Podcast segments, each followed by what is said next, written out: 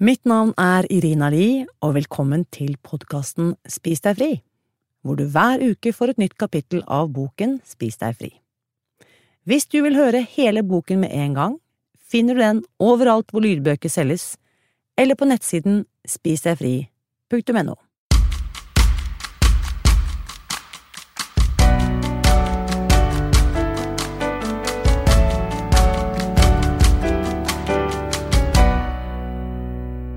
Kapittel 9 Dag 1 Du setter i gang Velkommen til den delen av boken der du tar de første skrittene for å komme i gang. Hvis du har lest hvert ord så langt, sitter du inne med all den informasjonen du trenger for å forstå hvordan hjernen din har forhindret den ønskede vektreduksjonen, og hvordan den nye kostholdsplanen kan endre hele bildet. Nå er tiden inne for å ta skrittet som blir starten på din Bright Line Eating-reise, slik at hjernen din kan komme i balanse. I dette kapitlet skal jeg veilede deg gjennom alt du trenger å gjøre, trinn for trinn, i forkant av den første Bright Line-dagen. Helt til slutt i kapitlet finner du en huskeliste som gjør det lettere å følge med på fremdriften. Du finner også oppdaterte linker til digitale ressurser på nettsiden til denne lydboken på www.spisdegfri.no .no lydbok. Gå til legen.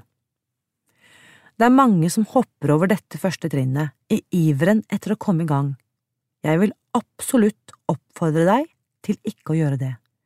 For det første, hvis du går på medisiner for en helsemessig tilstand, er det meget viktig at du har fastlegens bistand og forståelse før du innfører dramatiske endringer i kostholdet. Gang på gang har jeg sett at medisineringen må endres ganske raskt på denne kostholdsplanen. Ofte blir behovet for medisinering redusert, fordi Brightline Eating gjerne bedrer en rekke tilstander som har sammenheng med folks avhengighet av sukker og mel. Hos et stort antall av bootcamp-deltakerne har vi registrert en gjennomgripende tilfriskning av hele organismen. Betennelse reduseres, en sunn tarmflora oppstår, Regelmessige måltider skaper et fastevindu som er gunstig for døgnrytmen i alle organer, insulin- og blodsukkernivåene stabiliseres, og hjerte- og karsykdommer reverseres. Det er ikke et løfte jeg kommer med her, men en påstand basert på mange års erfaring. Du bør spørre legen hva han eller hun mener om din deltakelse i Bright Line Eating-programmet, og be om en oppfølging. Det kan være lurt å avtale hvor ofte du bør komme tilbake, for å se om det er behov for eventuelle medikamentjusteringer. For det andre bør du be om en komplett blodprøvesjekk. Jeg vil foreslå en full oversikt over kolesterolverdier, ANC, triglycerider, blodtrykk, fastende blodsukker, basisnivå av insulin, CBC-prøve og eventuelle andre prøver som du og legen ønsker å følge opp videre. Hvis du nylig har fått tatt blodprøver, kan det være at du føler deg komfortabel med å hoppe over dette trinnet, men jeg anbefaler at du starter opp med et trygt utgangspunkt, for mye kommer til å endre seg raskt og dramatisk, og du kan aldri få tilbake overblikket over kroppstilstanden i utgangspunktet. Husk å ta før-bilder. Hvis du har en del kilo du ønsker å bli kvitt, bør du sørge for å få tatt noen gode før-bilder som viser deg med din nåværende kroppsvekt. Noen er ivrige og får det ordnet med glede. Andre vil reagere omtrent som om jeg hadde foreslått en rotfylling uten bedøvelse. Vær så snill å stole på meg her. Det å begynne på Brightline Eating uten å få tatt bilder av deg selv i starten, er som å oppdra barn uten å ta babybilder. Du får aldri sjansen igjen. Dette programmet kommer til å virke. Etterpå vil ingen noen gang tro at du har vært fet, og du har ikke noe bevis. Her snakker jeg av erfaring. Da jeg selv var på det feteste, ville jeg aldri tillate at noen tok bilde av meg. Mitt beste førbilde, som du kan se på nettsiden, viser ikke meg på det aller tyngste. På det bildet smiler jeg. Nå skulle jeg gjerne gitt gull og grønne skoger for å ha et bilde av meg selv med den svære magen og alle valkene i full bredde, der jeg ser så miserabel ut som jeg faktisk følte meg. På et punkt underveis brukte jeg størrelse 54. På det beste fedmebildet av meg selv er jeg størrelse 44, Ikke gjør den feilen, vær så snill. En annen mulighet er å få gjort noen videoopptak før du starter opp, og deretter passe på å filme aktuelle stadier underveis i prosessen. Hvordan ser det ut nå idet du starter på ferden? Hvordan ser det ut i kjøleskapet ditt? Hvordan ser det ut i klesskapet? Og hvordan føler du deg? Eller vær kreativ og finn din egen måte å dokumentere starten på ferden din. Det trenger ikke å være veldig avansert eller vanskelig. Nå for tiden kan alle typer mobile apparater ta opp fine videoer. Rydd opp i kjøkkenet. Gi bort eller kast alt som ikke hører til på kostholdsplanen din. Sjekk kjøleskapsdøren for dressinger, sauser og smakstilsetninger, og kvitt deg med alt som har sukker eller annet søtstoff listet opp blant de tre første ingrediensene. Om du bor alene, er dette skrittet selvsagt mye enklere. Bor du sammen med andre, kvitter du deg med så mye du kan, mens du beholder det som familien eller romkameratene dine fortsatt ønsker å spise. Avhengig av boforholdene kan du kanskje sette av en egen hylle i kjøleskapet eller kjøkkenskapet som bare skal være til din egen mat. Eller omvendt, sette av en høy eller lav hylle til andres matvarer.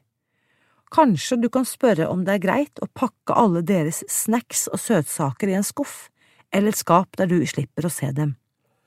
Uansett hvordan du løser det, pass på at ditt eget område har minimalt med fristelser. Ting du bør kjøpe. Jeg er ikke en type som liker masse ting og tang rundt meg. Jeg trenger ikke den aller nyeste eller beste kjøkkenredskapen, og jeg kan ikke fordra rot. Men det er enkelte ting jeg har funnet ut at du trenger for å sikre suksess på ferden. Tenk på det som om du skulle klatre opp Mount Everest. Det riktige utstyret betyr forskjellen mellom å nå toppen og bli sittende i et telt på en fjellhylle. I listen nedenfor finner du forslag til hva du trenger. 1. Digital kjøkkenvekt Du trenger ikke en veldig avansert vekt med kaloriverdier, ernæringsinformasjon eller egen skriver. En enkel matvekt er alt du trenger. Men den må være digital, og den må kunne innstilles på både metriske og amerikanske mål, det vil si pounds og ounces. Med en digital vekt trenger du ikke sjekke om pilen står nøyaktig på den riktige streken eller å presse sammen salatblader i en liten målekopp. Digitale kjøkkenvekter fås hos de fleste jernvarehandlere, eller de kan bestilles på nettet. Pass på å se etter en vekt som lar deg veie ingredienser i en bolle eller kjele ved hjelp av tear-innstillingen, det vil si nulling av bollens eller kjelens egen vekt før innholdet skal veies opp. Pass også på å få en som ikke slår seg av automatisk etter én eller to minutter. Da kan du kutte opp salatingredienser og tilsette dem litt etter litt, uten å måtte starte på nytt fordi vekten slår seg av. Det er faktisk enorm forskjell på gode og dårlige digitale kjøkkenvekter. Stol på meg, jeg har lang erfaring og kan anbefale min egen favoritt, men dukker det opp en som er enda bedre, opplyser jeg om det på nettsiden www.spisdegfri.no. 2 matbokser til reisebruk. Det finnes hendige plastbokser i sett på tre til fem som er lette i vekt og som kan kastes etter bruk. De skal være godkjent for bruk i mikrobølgeovn, oppvaskmaskin og fryser. De inneholder ikke kjemikalier som kan bli toksiske i mikrobølgeovn, men hvis du ikke føler deg trygg på plast i mikrobølgeovn, bør du kjøpe et antall former av ildfast glass, selv om slike lunsjbokser blir tyngre å bære med seg. Hvis du ønsker å holde maten skikkelig varm eller kald, bør du vurdere å kjøpe en termobag i tillegg. Et annet tips. For å ta med olje og eddik til salaten, kan du sjekke på nettet eller på apoteket etter sterile prøveglass av den typen som brukes på legekontoret. De er akkurat passe store, og de lekker aldri. 3. Matdagbok Vurder å kjøpe deg en hyggelig liten dagbok til å skrive ned matopplegget ditt i. Hvis du satser på en dagbok, kan du ha den og en penn liggende på kjøkkenet, rett ved kjøleskapet. 4. Takknemlighetsdagbok Ha den liggende ved sengen, så du kan skrive den før du legger deg til å sove. Igjen vil jeg foreslå at du kjøper en som er tiltalende å se på. Det vil oppmuntre deg til å fortsette å skrive. Å engasjere deg i konkrete daglige takknemlighetsøvelser gir ifølge forskningen stor helsemessig gevinst, ikke bare når det gjelder sinnsstemning, men for helse, sosialt fellesskap og livskvalitet generelt. 5. Femårsdagbok I 2010 begynte jeg å skrive på en femårsdagbok hver kveld, i tillegg til takknemlighetsdagboken, og jeg har ikke hoppet over en eneste kveld siden. Jeg elsker den. Sånn fungerer den. Den har én side for hver dag i året og hver side av fem replikker. Det gir deg noen ganske få linjer til å sammenfatte dagen din. Når du har skrevet i 365 dager, kommer du tilbake til starten. Da kan du lese hva du skrev på samme dag året før, og så videre. Det er helt magisk, og det er et perfekt verktøy å ta i bruk når du starter på en så revolusjonerende reise som Bright Line Eating. 6. Baderomsvekt Det er viktig at du skaffer deg en god baderomsvekt. En analog vekt med pil og tallskala er rett og slett ikke bra nok lenger. Hiv den ut og få deg en digital baderomsvekt. Du trenger en som viser hvert 250. gram, eller enda mindre enheter. Personlig støtte Forskning viser at det er en stor fordel å gjennomgå et vektreduksjonsprogram sammen med en venn eller andre som kan gi personlig støtte. Få med venner på laget. Du trenger å omgi deg med positive, oppmuntrende folk.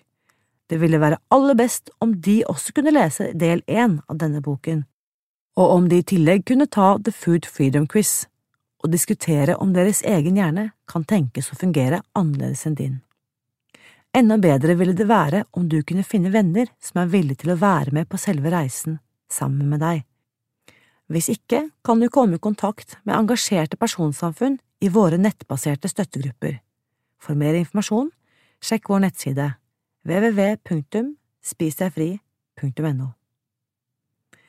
Du velger din dag én. Når du har gjort unna forhåndsarbeidet, er det tid for å velge hvilken dag som skal være din dag én. Enkelte ting bør tas med i betraktning, for her er det snakk om en fin balansegang. På sett og vis er det aldri et riktig tidspunkt for å starte opp. Det vil alltid finnes noe i kalenderen din som kan forventes å bli en matbegivenhet, som et bryllup, en barnedåp eller en syttiårsdag. Hvis du skal oppnå målet å forbli lykkelig, slank og fri over tid, må du ha et opplegg som kan motstå helligdager, cruiseferier og spesielle anledninger. Jeg reiser til stadighet og klarer likevel å holde meg innenfor de klare grensene, mine bright lines. Jeg feirer bursdager og går i selskaper. Jeg lever livet der ute, akkurat som tusener av andre har lykkes med før meg, etter å ha gått i gang med dette programmet. Vi er ikke isolerte eneboere. Styrken i programmet er at du har klare kjøreregler med deg på veien, og du får støtte til å hjelpe deg å følge reglene. Derfor er det ingen grunn til å utsette oppstarten bare fordi det kommer en spesiell anledning om kort tid, og du tviler på om du klarer å gjennomføre. Merk at min aller første bootcamp startet i slutten av oktober, og den første utfordringen deltakerne støttet på, var halloween tett etterfulgt av den store familiefeiringen som thanksgiving er. Likevel var samlingen en kjempesuksess. Når det er sagt, må du sørge for å sette av nok tid for å gjøre jobben ordentlig og klare å fokusere på den. Så hvis du trenger å avklare enkelte forhold i livet før du starter, har jeg forståelse for det. Siste post på listen Hvis legen din er med på laget, hvis du har tatt førbilder og videoer, hvis den digitale vekten din er på plass på kjøkkenbenken og klar for bruk, og hvis det sosiale støtteapparatet ditt er på plass, da er tiden antagelig inne til å dra på innkjøp av maten du trenger for de første dagene. Ta denne boken med deg og kjøp nok mat fra hver kategori i kostholdslisten til å komme deg gjennom de første dagene. Du kommer antagelig til å trenge flere grønnsaker enn du tror, så kjøp dem i store kvanta Pass også på å få med noen hurtigfryste grønnsaker og litt hermetisk frukt. Hermetisert i juice, selvsagt, ikke i sirup, for å ha i bakhånd. Sjekkliste 1. Legesjekk 2. Før-bilde 3. Opprydning i kjøkkenskapene. Fire. Innkjøp. A. Digital kjøkkenvekt. B. Matbokser til reisebruk. C. Matdagbok. D. Takknemlighetsdagbok. E. Femårsdagbok. F. Baderomsekt. G. Matvarer. Fem. Sosialt støtteapparat. Og seks. Velg din dag én. Dag én. Slik ser en vellykket dag ut. I mange religioner, som jødedommen og bahai-troen, regner man at neste dag ikke begynner ved midnatt, men ved solnedgang. Slik er det også med Bright Line Eating. Hvor vellykket dag én blir, vil avhenge sterkt av forberedelsene du har gjort kvelden før. Her er en minihuskeliste. 1. Se i kjøleskapet og bestem deg for hva du skal spise neste dag. 2. Slå opp i matdagboken ved kjøleskapet og skriv Dag 1 øverst på det første arket. 3. Skriv morgendagens dato. 4. Skriv opp det du har fastlagt som neste dags matinntak. Få en god natts søvn. Du skal snart skytes opp som en rakett over i den fjerde dimensjon. Om morgenen på dag én må du passe på å sjekke oppstartsvekten din. Vei deg alltid som det første du gjør hver morgen, naken, umiddelbart etter første toalettbesøk. Hvor ofte bør du veie deg? Du har tre valg for hvor ofte du skal veie deg. Det er et dypt personlig spørsmål, uten noe korrekt svar. Her er fordeler og ulemper ved hvert av valgene. Se hvilket du tror passer deg best. Månedlig mange av dem som har benyttet Bright Line Eating for å kvitte seg med overflødig vekt og holde dem borte årevis, anbefaler sterkt at du bare veier deg én gang i måneden mens du går ned i vekt, og går over til å veie deg én gang i uken når du er innenfor fem kilo av ønskevekten, og så fortsetter å veie deg ukentlig deretter. Fordelen ved å veie deg én gang i måneden er at du får litt fri fra tankesurret forbundet med tallet. Det vil også hjelpe deg å unngå å bli avsporet av de uunngåelige variasjonene som kommer til å oppstå underveis. Som noen har sagt, hvis du fokuserer på dine bright lines, mister du kiloene. Hvis du fokuserer på vekten, mister du dine bright lines. Poenget er at veiing en gang i måneden forhindrer at badevekten stadig får sette stemningen for dagen. Hvis du går for denne løsningen, foreslår jeg at du gjemmer badevekten et eller annet sted, for eksempel i et skap, så snart du har notert deg startvekten på dag én. Så avmerker du i kalenderen hvilken dag du skal veie deg neste måned. Ulempen er at du ikke får hyppig tilbakemelding om hvor mye vekt du taper underveis. Daglig Den andre muligheten er å veie deg hver dag. Ifølge det amerikanske National Weight Control Registry er denne strategien den vanligste blant dem som har gått ned i vekt og holdt den borte etterpå. Det ligger solid forskning bak effekten av daglig veiing. Hvis du klarer å la være å engasjere deg følelsesmessig fra tallet på vekten, og holde deg til kostholdsplanen, uansett hva badevekten forteller hver morgen, vil denne løsningen sannsynligvis virke best for deg. Men vær klar over at du må stålsette deg overfor de uunngåelige variasjonene. Kroppsvekten går uvilkårlig opp og ned, avhengig av hvor lenge du har sovet natten før, av væske- og tarmtømmingsnivået og av normal hormonaktivitet hos menstruelle kvinner. En stabiliserende strategi som jeg sterkt vil anbefale hvis du skal veie deg daglig, er å lage en graf som viser vektutviklingen din. Studier har vist at det å se en vektkurve visualisert er et utrolig sterkt verktøy for å opprettholde motivasjonen. Det hjelper også til å overbevise deg om at kurven fortsetter å gå nedover, selv om det forekommer noen humper underveis. Når det er sagt, kan det hende at daglig veiing rett og slett gjør deg anspent, noe som virker mot sin hensikt. Hvis du kjenner deg selv godt nok til å vite at du blir opphengt i tallet dag for dag, og at et hopp oppover kan ødelegge sinnsstemningen den dagen det skjer, bør du ikke veie deg hver dag. Vi vil at du skal tenke mindre på vekten, ikke mer. I så fall kan du satse på ukentlig. Denne tredje muligheten opphever forskjellen. Den kombinerer det beste fra begge leire. Du får avstand til de daglige variasjonene som kan vippe deg av sporet hvis du henger deg opp i det aktuelle tallet, men du har fordelen av å kunne følge med på fremgangen etter hvert som kiloene forsvinner. Hvis du velger denne muligheten, fastsetter du en spesifikk ukedag som er din veiedag, og holder deg til den. Resten av din dag én Tenk gjennom planen for dagen, og se om du trenger å pakke og ta med deg ett eller flere måltider. Best å være føre var. Hvis det er noen som helst mulighet for at du kommer til å være ute på farten, ta med deg mat. Hvis du skal møte en bekjent for en lang spasertur på formiddagen, for eksempel, men regner med å være hjemme igjen til lunsj, er det lurt å tenke som speiderne. Alltid beredt. Ta med deg lunsjen. Husk bestikk, serviett, en skarp kniv til å skjære opp eventuell frukt med, salt og pepper og en stor flaske vann. På dag én må det fremste målet være å spise de tre måltidene du har forpliktet deg til, og ikke noe mellom. Veie opp maten nøyaktig. Seks ounces grønnsaker betyr 6,0, ikke 6,1 eller 5,9. Om det betyr at du må knipe av halvparten av en grønn bønne, så får det være slik og husk BLT-regelen – no bites, licks or tastes. Ingen småbiter, slikking eller smaksprøver mens du tilbereder maten. Ingen små grønnsaksbiter fra skjærebrettet over i munnen din. Din første matbit skal inntas når du sitter ved bordet og har pustet dypt inn et par ganger.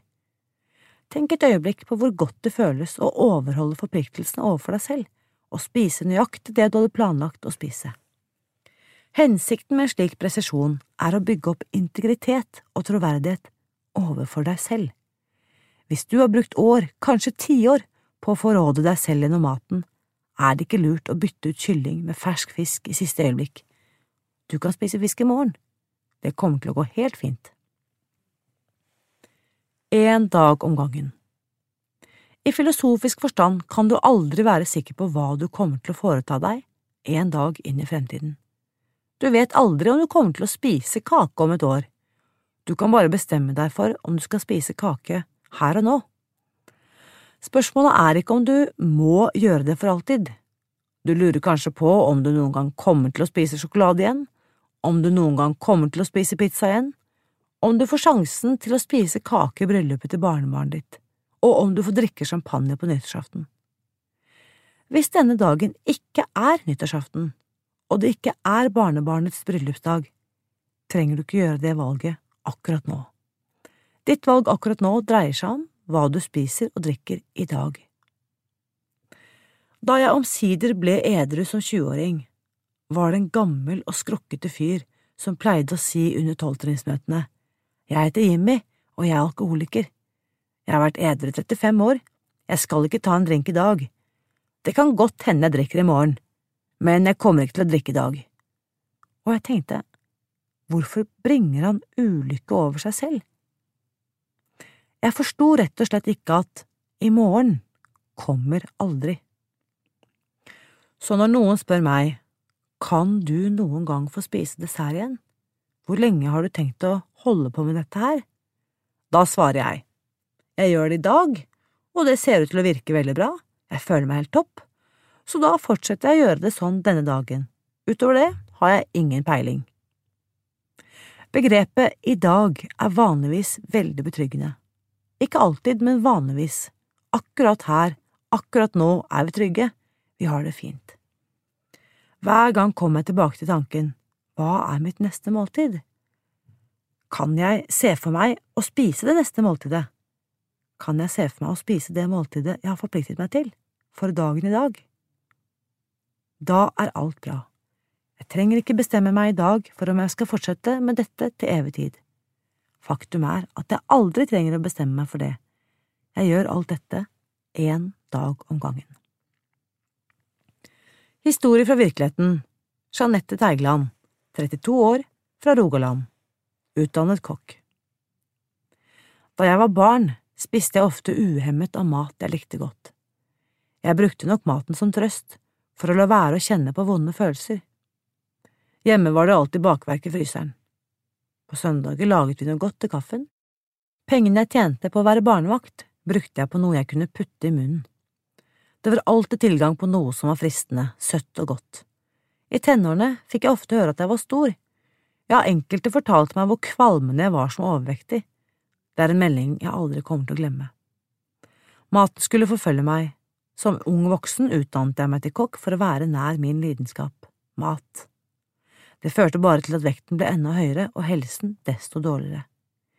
Mitt kompliserte forhold til mat fortsatte. Parallelt startet jeg min reise gjennom utallige slankekurer. Ingenting virket på sikt. Ingen av disse løsningene fikk meg langt nok ned i vekt til at jeg kunne kalle meg normalvektig. Kunnskapen hadde jeg, men jeg klarte ikke å gjennomføre noe av det. I 2010 traff jeg mannen i mitt liv, han som elsker meg som jeg er, uten å bry seg så mye om vekten min. På det tyngste veide jeg 143 kilo 75 kilo mer enn i dag. Det fikk sine konsekvenser, helsen holdt ikke. I 2013 ble jeg skikkelig dårlig. Utmattelse og smerter satte seg i kroppen, og jeg hadde store problemer med daglige gjøremål. Jeg sov mesteparten av døgnet og klarte ikke å jobbe. Enda et nederlag. Jeg fikk råd om å trene. Da satte jeg i gang med å trene fem dager i uken. Jeg trente i to timer, før jeg gikk hjem for å sove i fire timer. Så fortvilet som jeg var den gangen, er vanskelig å forestille seg. Selvtilliten var på bunn, ingenting fungerte. Med tre barn og en mann som jobbet på sjøen, fikk jeg ikke hverdagen til å gå opp. Slik skulle jeg ha det i flere år. Til slutt orket jeg ikke mer. Jeg var utslitt av å være overvektig og syk, lei av å ikke strekke til i livet mitt. Etter hvert hadde jeg klart å gå ned til 110 kilo, men den siste tiden hadde vekten begynt å krype oppover igjen. Hva nå? Om kvelden den 22. august 2017 lå jeg i sengen og ba til høyere makter om hjelp. Dagen etter våknet jeg og sendte barna på skolen og i barnehagen, før jeg slo på TV 2 og God morgen Norge. I det programmet deltok Irina og Susan. De snakket om boken Spis deg fri. Det var som om bønnene mine var blitt hørt, de snakket mitt språk. Jeg kjøpte boken umiddelbart og leste alt på to døgn. Likevel satt jeg igjen med en del tvil. Ville jeg få til dette her? Skulle jeg klare å leve resten av livet uten mel og sukker? Så leste jeg i boken at jeg måtte ta én dag om gangen. En eneste dag. Det ble nøkkelen. Fra den dagen fulgte jeg metoden, fra første til siste side, uten unntak. Den første tiden merket jeg stor forskjell, smertene forsvant, etter få dager med dette kostholdet sluttet jeg med smertestillende, Endelig kunne jeg sove om natten, etter å ha slitt med søvnproblemer gjennom flere år. Etter hvert kom også energien tilbake. Jeg hadde plutselig overskudd til å gjøre ting jeg ikke hadde klart på mange år. I boken skrev Susan at jeg kunne bli happy, thin and free. Det trodde jeg ikke ville fungere i min kropp. Til tross for all min tvil, etter hvert som dagene og ukene gikk, forsvant kiloene, og kroppen føltes mye bedre. Humøret ble også mer stabilt, og jeg følte meg lykkelig. Det virket jo faktisk. På meg også. I løpet av ti måneder gikk jeg ned all overvekten min, men jeg fikk så mye mer enn vekttapet. Jeg fikk et nytt liv. Jeg er nå i jobb, jeg er trener for to håndballag, samtidig som jeg er foreldrekontakt og leder for håndballen i min kommune. Løsningen for meg har vært å følge fire enkle regler som har ført til uendelig store endringer i mitt liv. Selv om 42 kilo betyr mye, betyr de andre effektene av denne metoden enda mer. Jeg har fått livet tilbake. For informasjon om norske nettkurs, sjekk www.spisdegfri.no skråstrek kurs. Har du noen spørsmål etter dagens episode? Da vil jeg invitere deg til å bli med på min faste livesending på Facebook-siden Spis deg fri, onsdag klokken ett hvor du kan få svar på direkten.